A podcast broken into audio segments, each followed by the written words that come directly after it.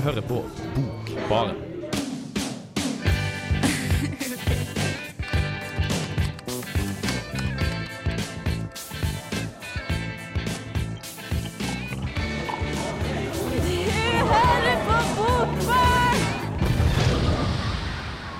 Det gjør du så visst.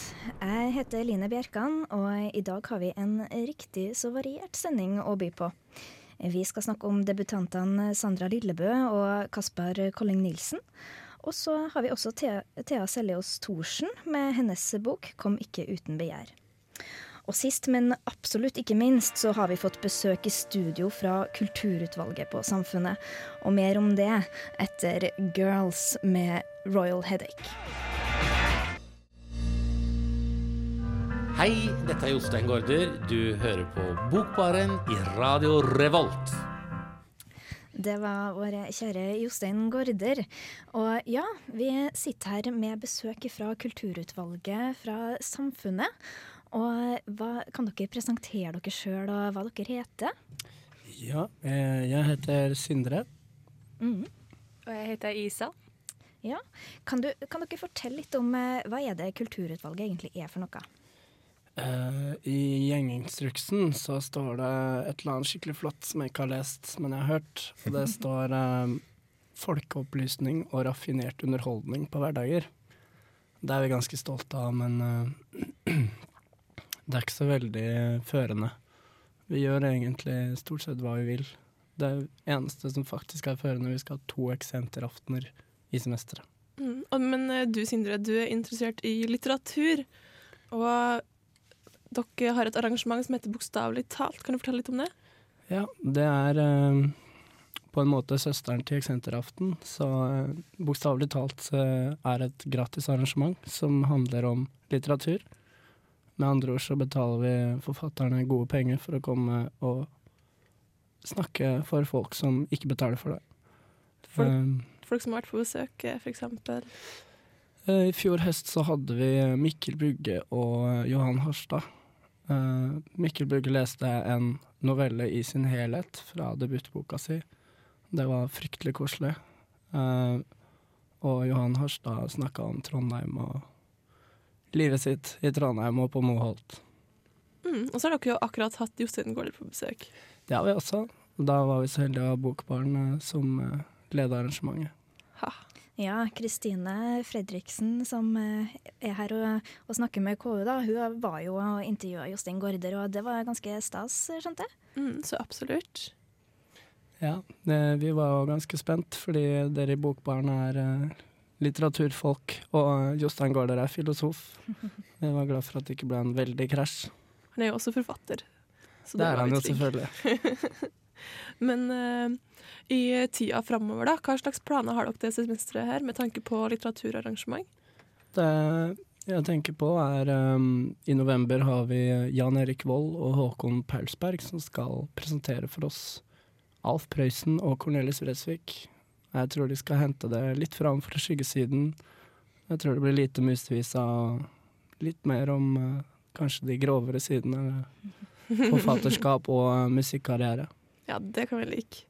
Uh, har dere noe på plakaten, uh, som eksempel BTA og sånn, eller har dere noen på ønskelista? Uh, nå blir vel uh, Vold og Paulsberg erstatning for BT i høstsemesteret etter uka. Men vi har jo noen som vi prøver å få tak i på nyåret.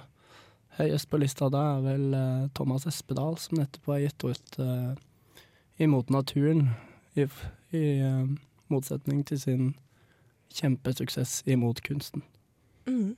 Eh, For de eh, ukene som kommer nå, så blir eh, samfunnet tatt over av Uka, og da kan ikke dere ha noen programmer. Men Uka har jo også litteraturprogrammer, så det skal vi her i Bokbaren snakke om etter hvert. Det skal vi, vet du. Det blir spennende. Noe som også er spennende, er Sandra Lillebø, ikke det? Sandra Lillebø er faktisk eh, ganske spennende. Eh, spesielt for oss som er opptatt av lyrikkdebutanter eh, i Norge.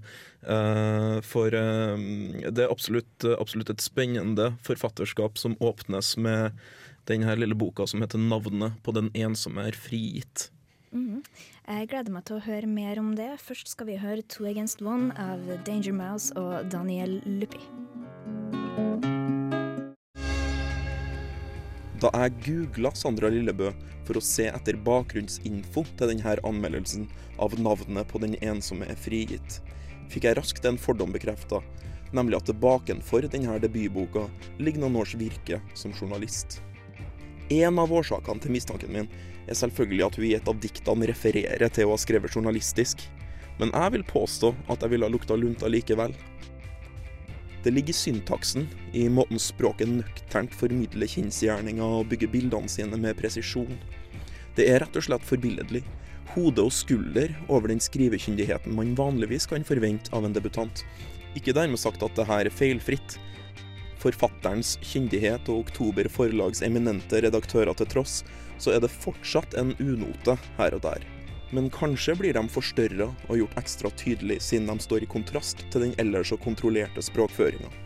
Og sikkerheten som ligger i den kontrollen, kommer godt med, da det ikke er tema for lettvektere Lillebø har bestemt seg for å skildre.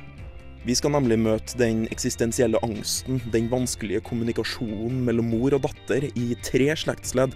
Vi skal gjennom det frigjørende sorgarbeidet, og i siste instans den rene galskapen.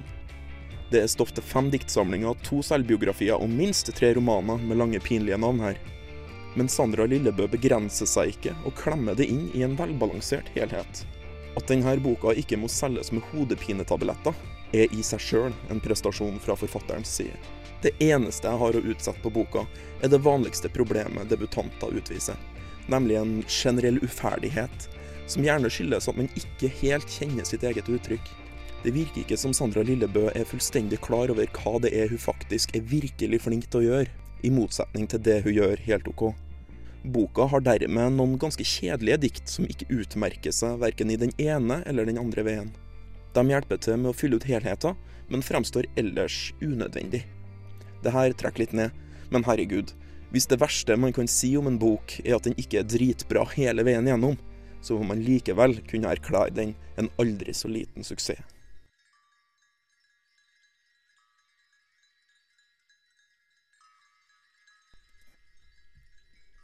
Virkeligheten er at blikket flytter seg.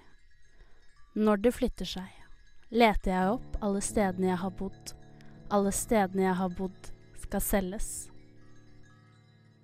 Alt jeg har skal øke likviditeten, øke avkastningen, som lagvise lavtrykk, akkumulerte avtrykk. En hvit masse som brer seg over kartet.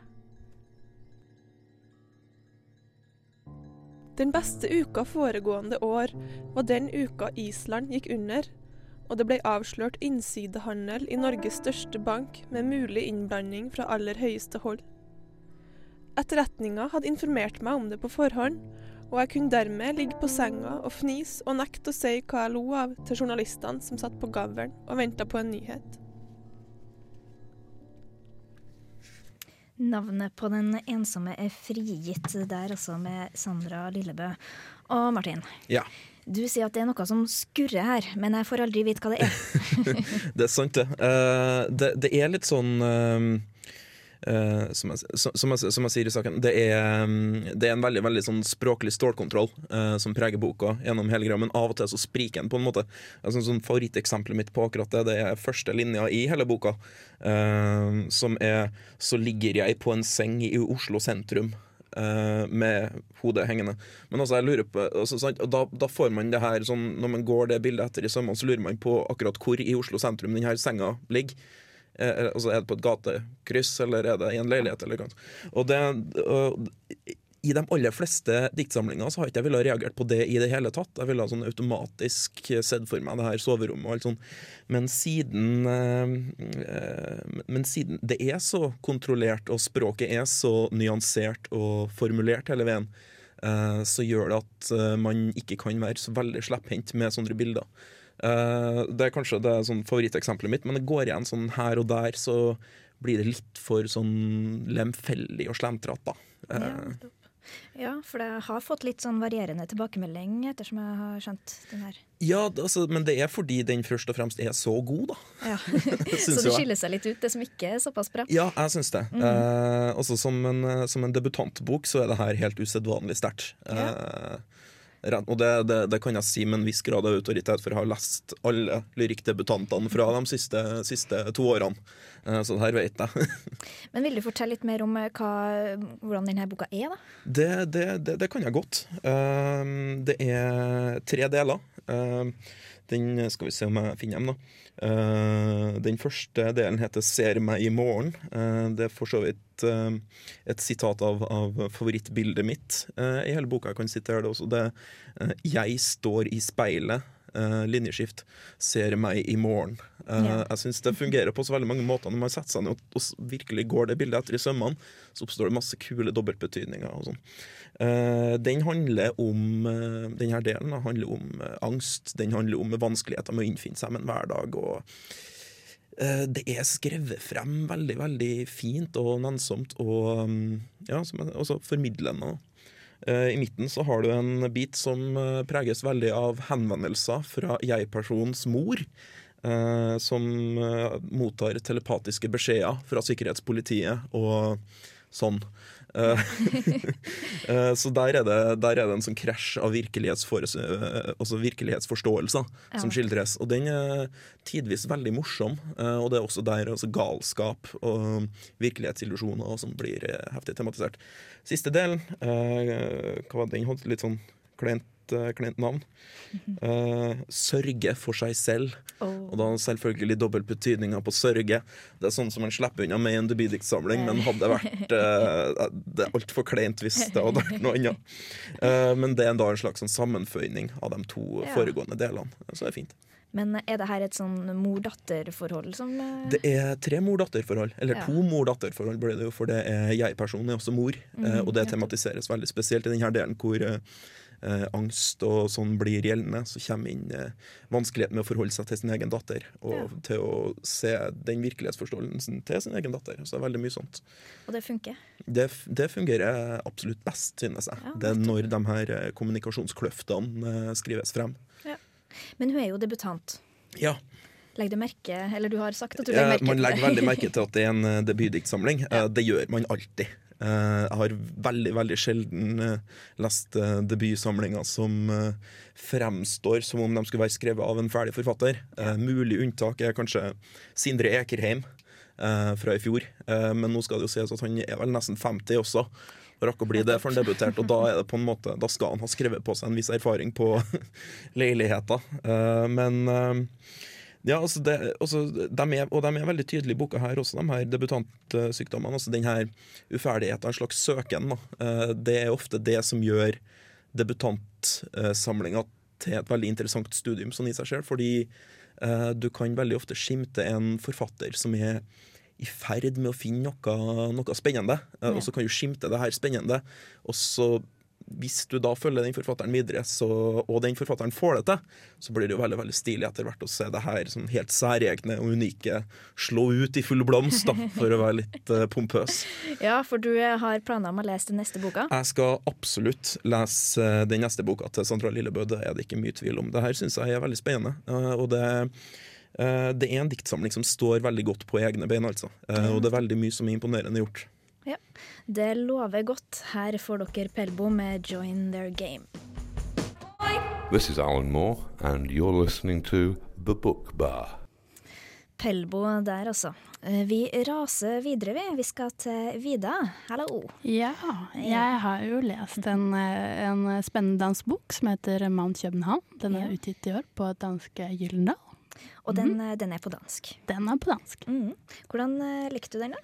Den likte jeg innmari godt. Ja, vet du, Jeg tror vi bare skal høre litt mer om hva du mener om det. En gang besluttet den danske stat å oppføre et berg på Havedøre Holme. Byggverket sto i 200 år. Da berget sto ferdig, var det 3500 meter høyt, hadde en omkrets på 55 km og et samlet overflateareal på 590 kvadratkilometer. Dette tilsvarende ca. 118 000 fotballbaner, eller hele Bornholm og litt til. Den kolossale konstruksjonen overskred langt Havedøre Holmes begrensede areal, hvor en del av farvannet omkring øya var blitt dratt inn som byggegrunn. Berget fikk navnet Mount København. Jasper Colling Nilsen har skrevet en novellesamling som er full av uventede momenter og til dels innmari morsom. Historien i Mount København gir et innblikk i hvordan de lite fjellvante danskene tilpasser seg tilstedeværelsen av et enormt fjell helt i utkanten av eh, København by. Fjellet tar Danmark med opp til nye høyder, bokstavelig talt, og fører til voldsom økonomisk vekst og gir ny giv til menneskene rundt det. Som følge av fjellet kan danskene endelig lære seg å stå ordentlig på ski. De kommer i verdenstoppen i vintersport, og i tillegg lærer de seg å sykle i oppoverbakke. Og Tour de France legger til og med en etappe innom København. Berget kostet ca. 600 milliarder kroner å oppføre.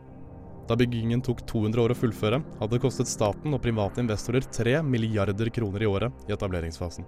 Byggeutgiftene ble finansiert med en omfattende utlisiteringsordning, hvor firmaer og den danske stat avholdt utgiftene for forskjellige deler av berget, med derav følgende råderett. Vintersportaktiviteten alene på toppen utgjorde med tiden en vesentlig inntektskilde. På samme måte som hotellene i området rundt viste seg å være ytterst populære for både turister og dansker året rundt. At noen noen gang skulle komme til å bygge et kjempehøyt fjell i flate, flate Danmark, er usannsynlig. Men innenfor det universet Nilsen lager i boken, er fjellet en helt troverdig og sannsynlig faktor. Historien om fjellet bæres frem av et nøkternt og likefremt språk, og et eh, levende og morsomt språk formidler de 17 historiene i boken som handler om menneskene rundt og på fjellet.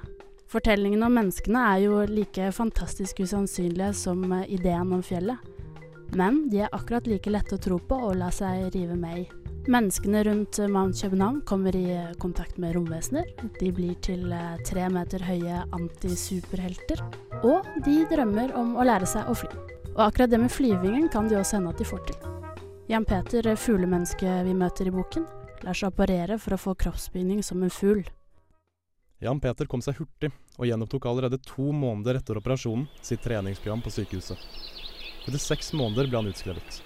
Han veide 18 kilo da han som en liten gås vraltet ut til den ventende taxien. I overensstemmelse med planen kjørte han for sine siste midler direkte til Mount hvor han sprang ut fra det høyeste punktet han kunne finne. Jan Peter svevde over havet. Han kunne se fiskene som tydelige skygger under vannoverflaten. Et par måker fløy over ham og skrek mot ham. Han slo med vingene og hevde seg med en forbløffende letthet. Det var nesten for mye oppdrift i den lille kroppen hans. og Han måtte bruke all sin energi og konsentrasjon på ikke bli kastet rundt av den kraftige vinden. Med tiden ble han Peter en fremragende flyver. Han lærte å fornemme de termiske vindene, og kunne med ganske få vingeslag sveve fra Mount København og helt til Hellerup. Jan Peter bosatte seg i den øverste kuppelen i moskeen på Mount København, og hver morgen fløy han en morgentur over byen. Jasper Colling Nilsen utforsker mulighetene i det usannsynlige i boken. Og rent eh, lesemessig er det en fryd. Men gjennom boken stiller han seg samtidig litt kritisk til en sånn typisk liberalistisk eller kapitalistisk tankegang som vi jo kan kjenne igjen fra vår egen samtid, og som handler om at bare vi tilfører litt mer ressurser, litt mer forskning og kanskje litt mer privatisering, så kan vi mennesker gjøre akkurat det vi vil. Vi kan realisere våre villeste prosjekter, og det å gripe inn i naturen går bra. For naturen er i bunn og grunn villig til å tilpasse seg oss. Så skjønner jeg jo at dette er en fiksjon, og ikke fakta. Men desto mer takknemlig blir jeg for at Nilsen i alle fall tar seg alle mulige friheter i boken. For en sånn tro på at alt er mulig, og at virkeligheten kan være så underholdende, det er en tro det er verdt å ta vare på. Og Mount København ender opp med å være en bok det er vel verdt å lese. Vi var kommet inn på Mount København av Kaspar Kolling Nilsen. Og det høres jo som en litt sånn spesiell bok, da. Det handler om et berg i København, gjør det ikke det, Vida? Jo, det gjør det. Eh, det er jo dette 3500 meter eh, høye berget utenfor København som på en måte er eh, bokens sentrum, da. Mm. Og så får vi se litt hva som skjer, skjer rundt det fjellet. Men eh, er det noe altså, Hva slags eh, Hva er det det her fjellet Har det en mening? Altså, brukes det til noe? Er det, er det noe bak det her? Hvorfor er det et fjell? Altså, Det som skjer i boken, er at fjellet, fjellet blir på en måte lansert med en gang. Det er den danske staten, eh, sammen med litt uh, private investorer, som bygger fjellet. Um, akkurat hvorfor de bygger det, det er liksom ikke helt klart. Uh, men samtidig så er det det er uh, ikke noe tvil om at dette fjellet det er veldig, veldig positivt. Altså det, det, det gir så mye til danskene at de vet ikke hva de skal si, ikke sant. Samtidig så er det jo også blir det til natur, fordi at de, de innfører mange nye dyrearter. De får isbjørner oppe det fjellet, og brunbjørner, og det blir til og med nye dyrraser, sånn som den danske fjellgeita. Som eh, til alt overmål har veldig fet melk som man kan lage deilig ost av, da. Så mm -mm. Jeg må bare si, selvfølgelig bygger de et eh, berg. De må jo ha noe som på en måte kan veie opp for den her eh, det her mindreverdighetskomplekset til danskene. For de har jo Det er liksom Himmelbjerget som er på 250 meter, kanskje? Vet du, jeg tror det er, jeg tror det er et, Mindre? Ja, det er traumatisk, det der, altså. Ja, ja, ja. Men altså, jeg syns det, er- det, det, det er godt gjort i en bok, da, eh, for å dra oss tilbake til, til litteraturen og bort ifra, bort ifra anti, antidansk eh, propaganda. Nei, men det er jo ikke det jeg prøver på. Jeg har vært glad i dans. Men jeg, jeg- liker det at boka på en måte tematiserer de mer sånn naturlige konsekvensene av det å bygge et fjell eh, for Danmark. For hva er det som skjer? Jo, de får liksom uh, ny mat, og så blir de gode i sport. Eh, og det, det er veldig sånn menneskelig måte å liksom si hurra, vi har fått et fjell på det. At de plutselig blir kjempegode i bakkeløpene på Tour de France. For det her vet vi jo at det er veldig mange dansker som går og gremmer seg over hver eneste sommer. Men det er bra. De har sjølironi med den boka her, da. Jo. Ja, men de, altså, det som er morsomt, er at han, han nevner ikke Norge med et ord i boken. Så noe sånn der sjalusiforhold fra før av at danskene har det, det, det tror jeg ikke han vet noe om. Det sitter, den- den sitter langt inn for dem. skjønner du. Men uh, det her er jo, som jeg har forstått det, 17 fortellinger. Og som innehar en opplysning om berget, på en måte. Hver fortelling innehar en egen opplysning. Og så er det miljøet da, som påvirker individene i boka, og in handlingene til individene blir på en måte speila av miljøet. Og har du noen eksempler på det? Um, ja, altså det er jo ikke akkurat helt alle som har denne faktadelen først, og hvor, eh, hvor tett knyttet de er opp til den faktadelen, de 17 små novellene som man kan kalle det, det er litt eh, varierende. Men eh, det at de hele tiden forholder seg til noe som er natur, det, det kan stemme. Altså du ser på en måte eh, hovedpersonen i den ene fortellingen ser eh, mannen København gjennom vinduet før han så liksom eh, eh, går ut og blir til Magneto, som er en magnetisk superhelt med et kassaapparat som skyter liksom metallbiter. Ma Magneto.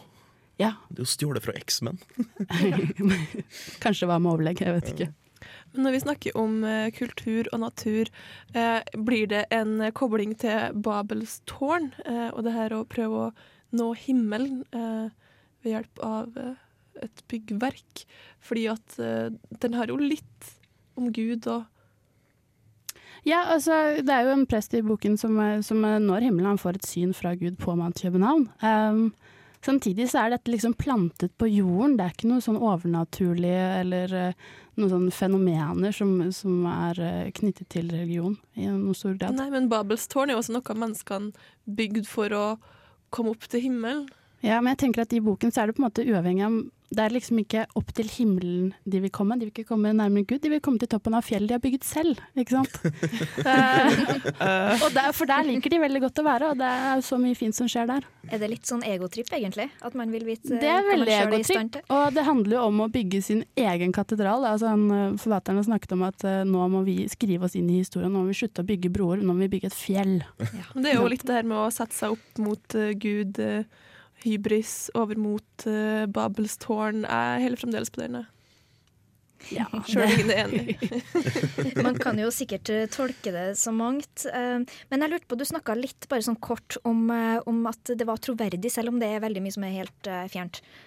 Eh, ja, Ja. tror du på det? Altså, er det bra sånn sett? Er det, Ja, jeg tror på det, og det er noe med at språket er ganske nøkternt, og så er det en Altså, det er, språket er så godt. Mm. Det er så Det er detaljrikt samtidig som det Det er liksom Han, han kaster ikke rundt seg med klisjeer eller, eller smører tjukt på. Altså han, selvfølgelig han smører tjukt på, for det er jo røverhistorier, men, men man tror så på karakterene fordi at de tenker så eh, rasjonelt idet de gjør ting som er helt urasjonelle, eh, eller blir noe som, er, eh, som vi aldri kunne forestilt oss fra før av. Jeg, kjenner jeg har lyst til å lese den eh, boka. Vi skal over til ei dame som vi har prata om før, nemlig Thea Seljås Thorsen. Ja, en av mine store favoritter her i Trondheim. Eh, Thea Seljås Thorsen hun er professor i uh, latin på NTNU. Og uh, hun er Norges store Ovid-oversetter. Ja. Oversetter fra latin. Og i i januar i år så kom hun ut med ei essaysamling som heter 'Kom ikke uten begjær'. Eh, og den handler om, eh, om hennes møte med litteratur, både ny og gammel, og eh, med en personlig vri. Ja, for det her er jo, det her er jo veldig variert, som jeg har forstått. Ja, så absolutt. Så her er det alt fra antikken og alle det her eh, romerske mennene hun prater om, eh, Horats, eh, Ovid osv., og så fram til i dag med f.eks. Mona Høvring. Mm. Så det er litt for eh, enhver, det her, da. Ja. Vi skal høre mer om hva du har å si om det etter hvert. Jeg er veldig spent, for hun har fått veldig gode kritikker. Først så skal dere få høre 'High As A Kite' med Indian Summer.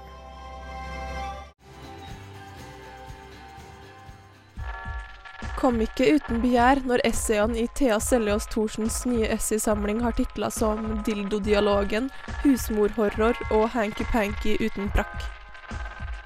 Thea Seljås Thorsen har på Gyldendal gitt ut en essaysamling med korte personlige essays om litteratur og leseglede.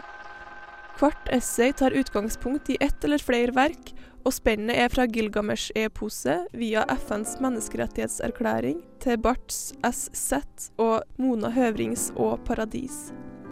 Det er en hovedvekt på eldre verker, som er naturlig nok med tanke på at forfatteren er professor i latin, men hun skriver også overbevisende om nye litterære verker. Thorsen blander inn aktuelle tema, og f.eks.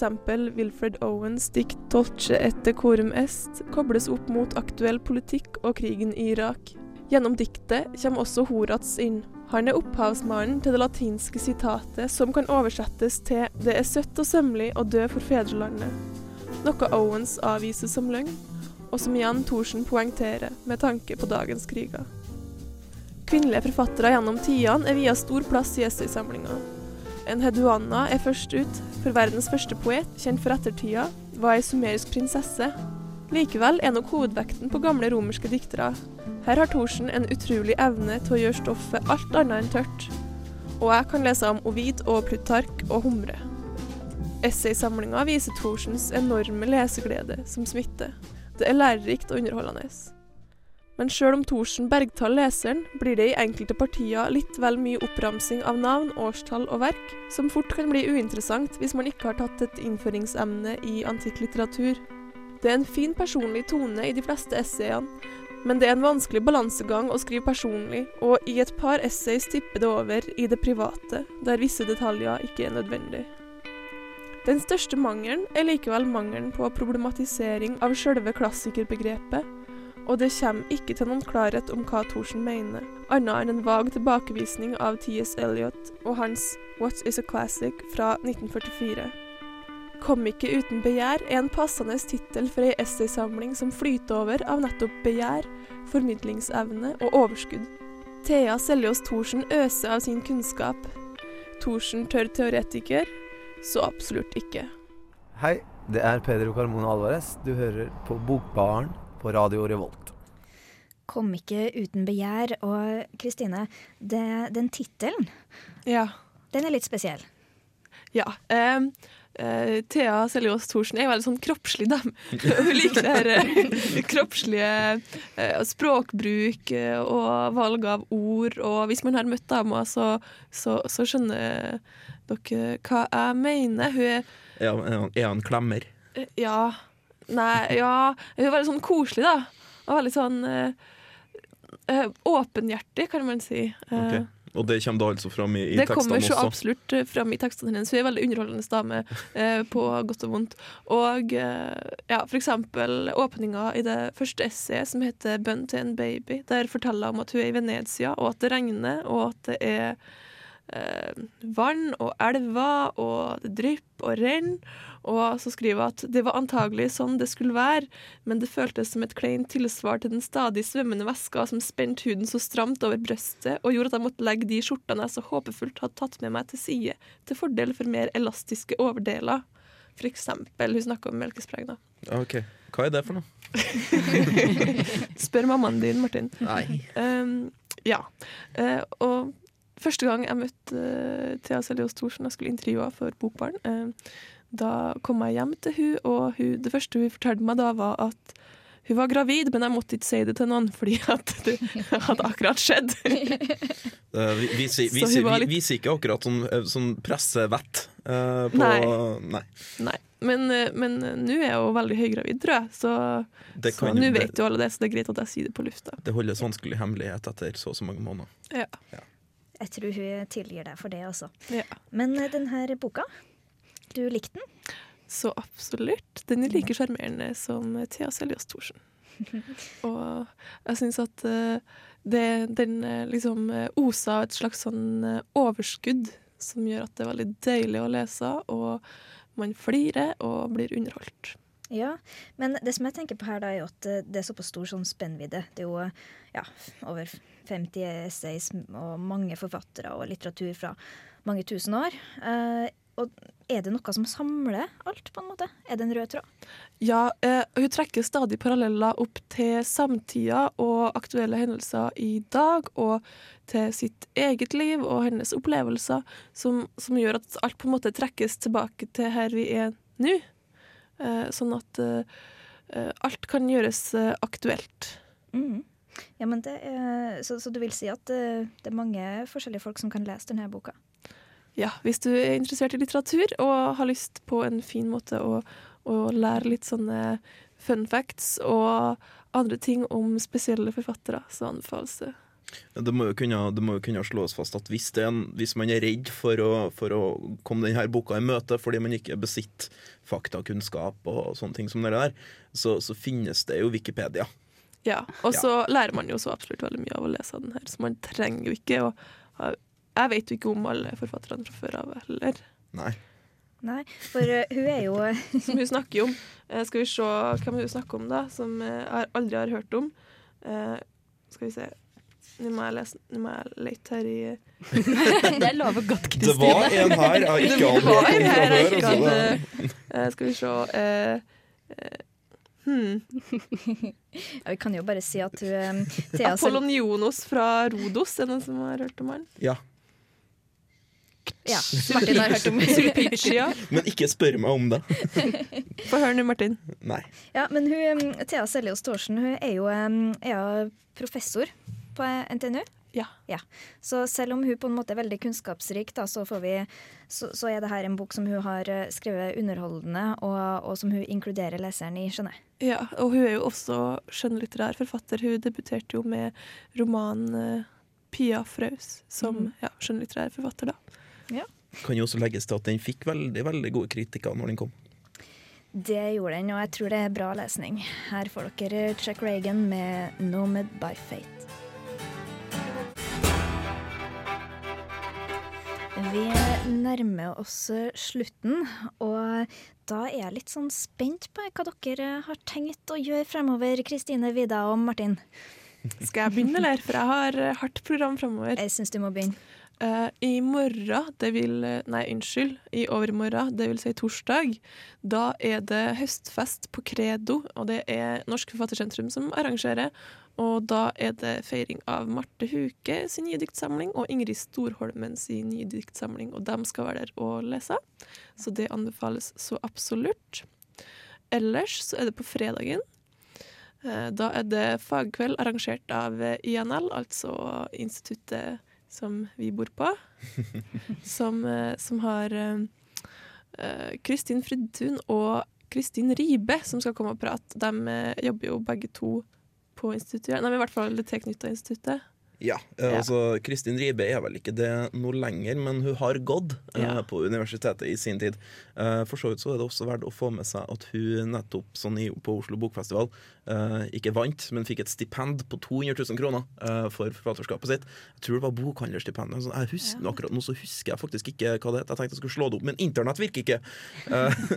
Men uansett, gratulerer til Kristin Ribe for det. Fantastisk. Eh, Det er altså på Bella Bulldog på fredag at hun kommer og prater. Og hva skal de snakke om? Eh, Ja, godt spørsmål. Det er vel eh, hovedsakelig hva det er da, Martin? Uh, det er jeg faktisk ikke helt sikker på når du sier Sjekk det. Facebook. Uh, det som, ja. Sjekk Facebook. Interessant blir det nok uansett. Men Vida, da, har du noen planer? Uh, sånn lesemessig Mm. eh, så har jeg jo i et litt ubetenksomt øyeblikk lovet å lese 'Erindringer' av Torgny Lindgren. Ja, Det skal jeg begynne med. Og så er jeg jo midt oppe i anatomi på skolen om dagen, så jeg har veldig lyst til å lese Espen Stuland sin uh, historie om uh, disseksjon. Gjennom kjøttet. Ja, Oh, det syns jeg. Eh, Men det er en murstein, så jeg må bruke litt tid på den. Jeg syns du skal få lov til det. Eh, Vi må da også komme med en liten teaser. At neste gang så får vi meget celebert besøk. Det er hjernen bak poesi fra Do som skal besøke oss i studio, så det håper jeg dere hører på. Med meg i dag så har jeg hatt eh, Vida Brenna, Martin Ingebrigtsen, Kristine Fredriksen, og takk til Isa Agnete Halmøy Fredriksen og Sindre Vigre fra Kulturutvalget på Samfunnet for at de tok turen. Og tekniker var Bendik Borme, og jeg heter Eline Bjerkan. Hør oss på eh, radiorevolt.no. Der kan dere laste ned podkast, og Stream on demand finnes der. Her får dere Amp Fiddler med Faith.